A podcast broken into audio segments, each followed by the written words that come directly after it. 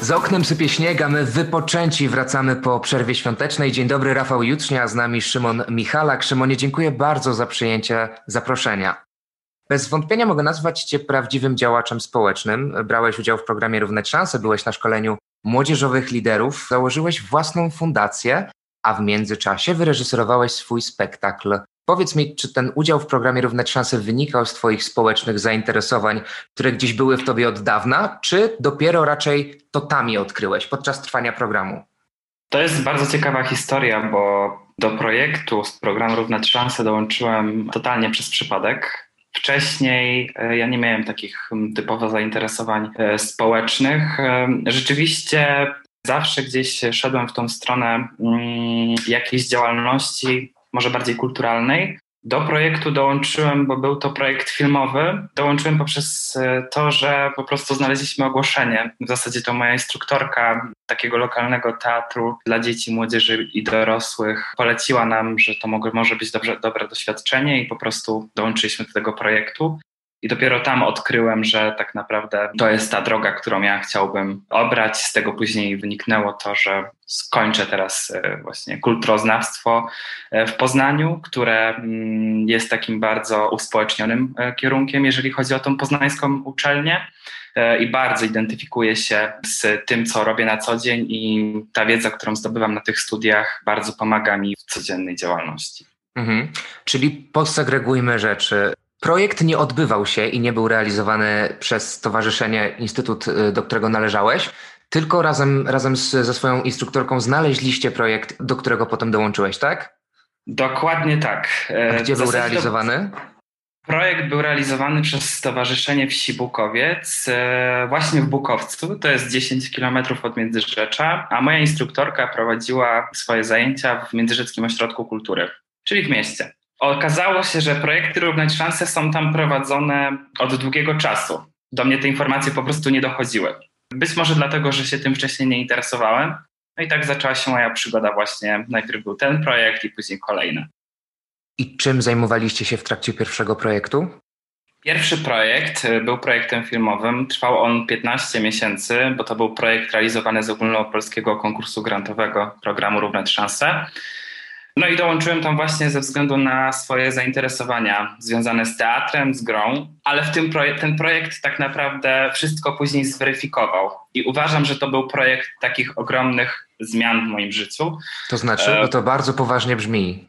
Tak, przede wszystkim zmieniło się środowisko, w którym ja na co dzień się obracałem. Zmieniły się kręgi znajomych. Zmieniło się moje postrzeganie tego, co ja chcę robić w przyszłości okazało się, że nie tylko ta pasja związana z teatrem, bycia na scenie jest dla mnie ważna, bardziej zaczęło odpowiadać mi bycie po drugiej stronie, kreowanie tego, co e, zadzieje się na tej scenie, czy na przykład za kamerą, bo tak jak już wspominałem, byłem reżyserem filmu, który razem z grupą projektową tworzyliśmy. Dlatego wydaje mi się, że ten projekt otworzył przede mną szereg takich możliwości, których ja wcześniej nie dostrzegałem, którymi też nie byłem pewnie mm, zainteresowany, dlatego że no to było takie wąskie pole, w którym ja byłem wcześniej. W tym teatrze dopiero projekt pokazał mi, że jest wiele innych bramek, z których można skorzystać. Czyli film, który wyreżyserowałeś, był swego rodzaju zwieńczeniem projektu, tak? O czym opowiadał? Film był fabularny, trochę nawet fantastyczny. Nazywał się W międzyczasie. Opowiadał o tym, że kilkoro przypadkowych ludzi zatrzymuje się w pewnej przestrzeni czasowej, no bo mają coś do zrobienia, koniec końców. Z tego tak wynikało, że muszą się zatrzymać i spojrzeć na e, swoje życie i podjąć decyzję, co robią dalej, żeby po prostu nie błądzić w tym świecie, tylko obrać jakąś swoją ścieżkę. I to był pierwszy raz, kiedy w pewien sposób stanąłeś po tej drugiej stronie, tak? Kiedy... Zgadza się. To był pierwszy raz, gdy stałem się taką, można powiedzieć, niewidzialną ręką, która coś tam, że tak powiem, tworzy. I wydaje mi się, że tak jest do dzisiaj, że te działania, które ja staram się realizować, to są takie działania, które, których ważne dla mnie jest to, by widać było proces, w którym ludzie osiągają założone przez siebie cele, w którym się rozwijają. Niekoniecznie właśnie chodzi mi o to, by ja bym, bym ja to był widoczny w tych działaniach, ale właśnie ci uczestnicy. I wydaje mi się, że to jest jedna z wielu najważniejszych rzeczy, które wyciągnąłem z programu Równać Szanse. Jest coś, co wspominasz jako, no bo powiedziałeś, że był to twój pierwszy raz po tej stronie, więc e, coś, co wspominasz jako największe wyzwanie, z którym musiałeś się zmierzyć w trakcie trwania projektu? Tak. E, pamiętam siebie z początków tego projektu. Ja trafiłem do tego projektu z sześcioosobową grupą e, właśnie z tego teatru. My znaliśmy się bardzo długo, bo ponad 10 lat. Więc byliśmy dosyć zamknięci. Zamknięci na innych i też pewnie na nowe wyzwania. Byliśmy na tyle hermetyczni, że bardzo trudne było dla mnie i myślę, że też dla innych, żeby mm, otworzyć się na te wszystkie działania. I pamiętam też, że to było w ogóle dla całej grupy projektowej, która była dosyć liczna, bo liczyła ponad 20 y, osób. Dosyć trudne doświadczenie, mm, ale to właśnie było jednym z takich trybików zmian w moim postrzeganiu wszystkiego w zasadzie. Po projekcie był drugi projekt, to znaczy, że program Równe Szanse zatrzymał Cię w pewien sposób przy sobie. Dlaczego? Dlatego, że po projekcie mm, filmowym stwierdziłem, że to mógłby być właśnie ten sposób na, na moje życie. Że ja chciałbym działać społecznie, chciałbym działać na rzecz rozwoju młodzieży. Razem z moim rozwojem to się rozszerzyło na dzieci na dorosłych, na mieszanie tych grup, na ich integrację, na tworzenie wspólnot. Projekt Równać Szanse był takim polem, w którym wiedziałem, że mam taką bezpieczną atmosferę do nauki, do popełniania błędów, już nie tylko jako uczestnik, ale też w projekcie, który udało mi się koordynować, bo dwa projekty zrobiłem, których byłem koordynatorem. W takim bezpiecznym środowisku mogłem po prostu pozwolić sobie na naukę, na prowadzenie tych działań społecznych już jako właśnie koordynator tych projektów. I co w takim razie zmotywowało Cię do tego, aby wziąć udział w szkoleniu młodzieżowych liderów?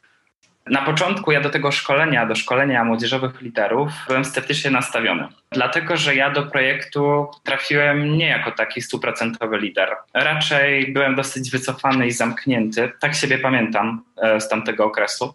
Przejawiałem być może e, jakieś takie cechy tego lidera, ale to wszystko było takie nieoszlifowane. Gdzieś tam byłem taki pogubiony w tym wszystkim. Szukałem cały czas siebie.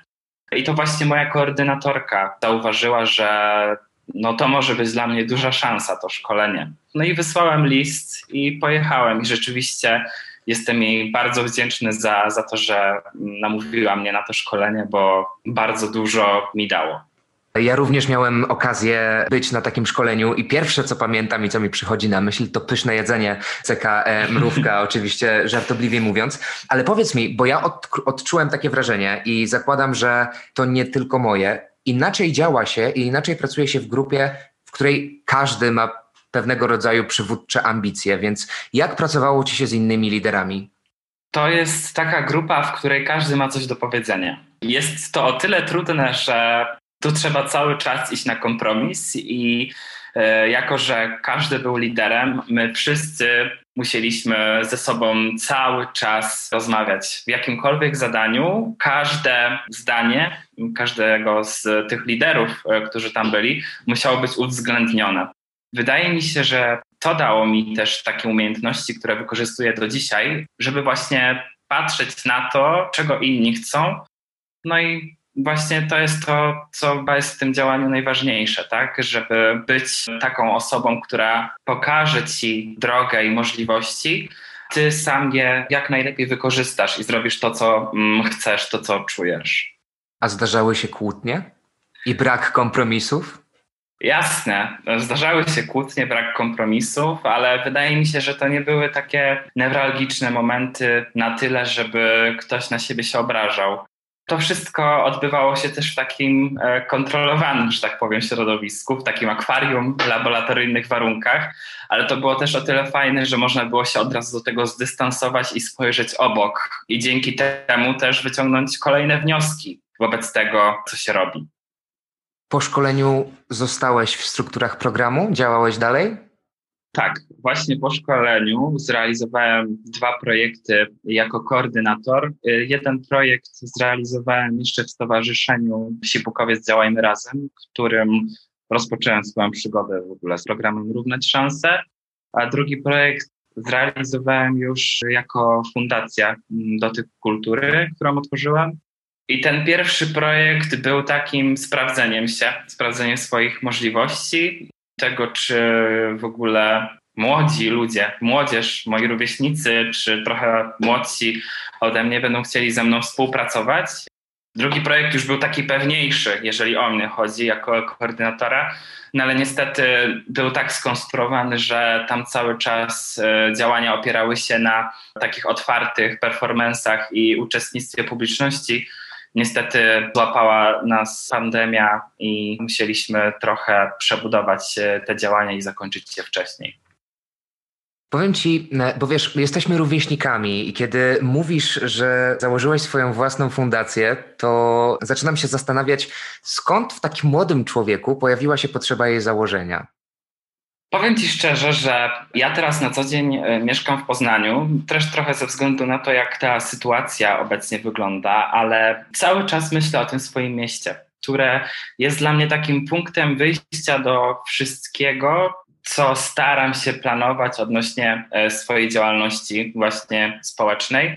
Nawet moja praca licencjacka mówi o społeczności lokalnej w Międzyrzeczu, o jej specyfice. Także cały czas jakby ten mój Międzyrzecz jest takim warsztatem dla mnie i poznawaniem tych wszystkich sposobów na działanie. Fundacja wynikła z takiej potrzeby, że u nas działa tak naprawdę mnóstwo organizacji pozarządowych na terenie powiatu, jak i samej gminy, które nie mają narzędzi i nie mają wiedzy do, do działania.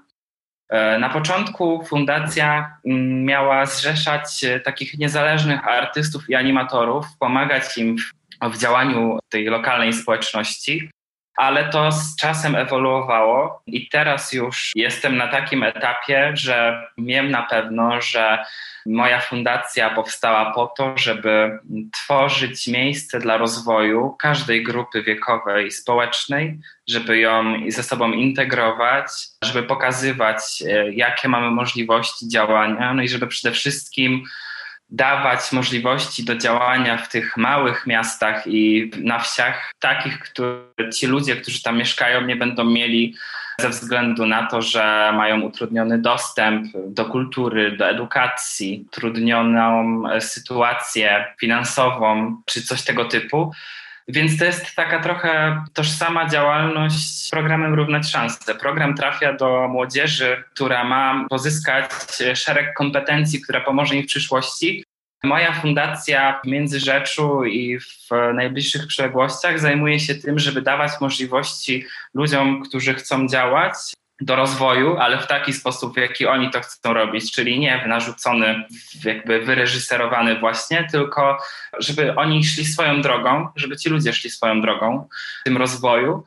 Mm, ostatnią taką rzeczą, którą udało nam się mm, jako fundacji zrealizować, to jeszcze przed pandemią, to było pozyskanie od gminy właśnie lokalu na działalność Miejskiego Centrum Działań Oddolnych. I tutaj właśnie przydało mi się mnóstwo kompetencji, które ja pozyskałem w trakcie programu do tego, żeby, żeby to się udało. Szczerze mówiąc, e, u nas w gminie chyba nie ma takiej organizacji, która działałaby na tyle aktywnie, że potrzebna była jej była jakakolwiek przestrzeń, w ogóle do której chciałaby zapraszać innych. Najczęściej odbywa się to w ten sposób, że organizacje pozarządowe korzystają z przestrzeni czy to biblioteki, czy ośrodka kultury, który ma ograniczony jakby e, zasób e, tej przestrzeni, ale też grafik jest na tyle napięty, że terminy mogą być odległe, no bo to mogą być pojedyncze dni. Więc e, ja pomyślałem sobie, że chcę stworzyć takie miejsce, które będzie zawsze otwarte na te osoby, które chcą działać niezależnie od innych instytucji i ja się tak śmieję, że to trochę w bonusie razem z tym lokalem, ale w tym lokalu podczas podpisywania umowy okazało się, że działa 25-osobowa grupa seniorów e, zapomnianych. Więc rzeczu działa Dzienny Dom Seniora, aczkolwiek ci seniorzy nie chcieli się zrzeszać. Dla nich najważniejsze było to, żeby móc się spotkać. To jednocześnie była grupa śpiewacza, by móc się spotkać ze sobą, trochę pośpiewać, a przede wszystkim porozmawiać. I wydaje mi się, że to jest to, czego najbardziej tym seniorom brakuje. I ja też chciałem odpowiedzieć na ich potrzebę możliwości tego spotkania. Ten lokal, który dostaliśmy od gminy na realizację tych celów, na otworzenie tego miejskiego centrum, jest do remontu. No i on na ten remont czeka cały czas. Szczerze mówiąc, to y, na początku myślałem, że porwałem się z motyką na słońce. Dlatego, że ja jako młody człowiek bez doświadczenia w tego typu y, działaniach, y, gdzie nigdy wcześniej jakby nie miałem możliwości takiej, żeby mieć swój lokal, organizacja i prowadzić tam stacjonarnie działania, czy jakieś jakiekolwiek sieciowania dla organizacji pozarządowych, Byłem bardzo sceptycznie nastawiony do tego, czy się uda, ale stwierdziłem, że jeżeli nie spróbuję, to później będę żałował.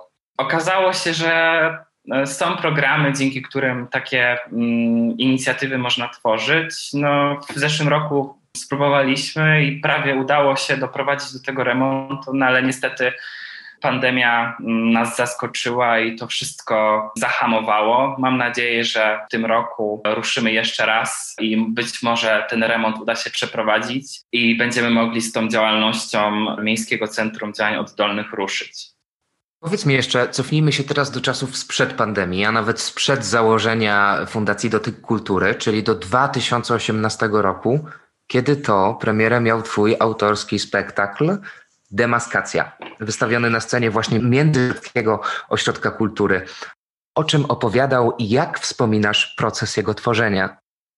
Spektakl tworzony był przez ponad pół roku. To był też taki czas, gdzie trochę na tym naszym międzyrzeckim rynku kultury ulegały zmianie różne rzeczy. Zmieniła się dyrektorka też ośrodka kultury, która dała mi e, możliwość bycia e, w tym ośrodku jako wolontariusz i prowadzenia grupy studenckiej, grupy teatralnej dla studentów.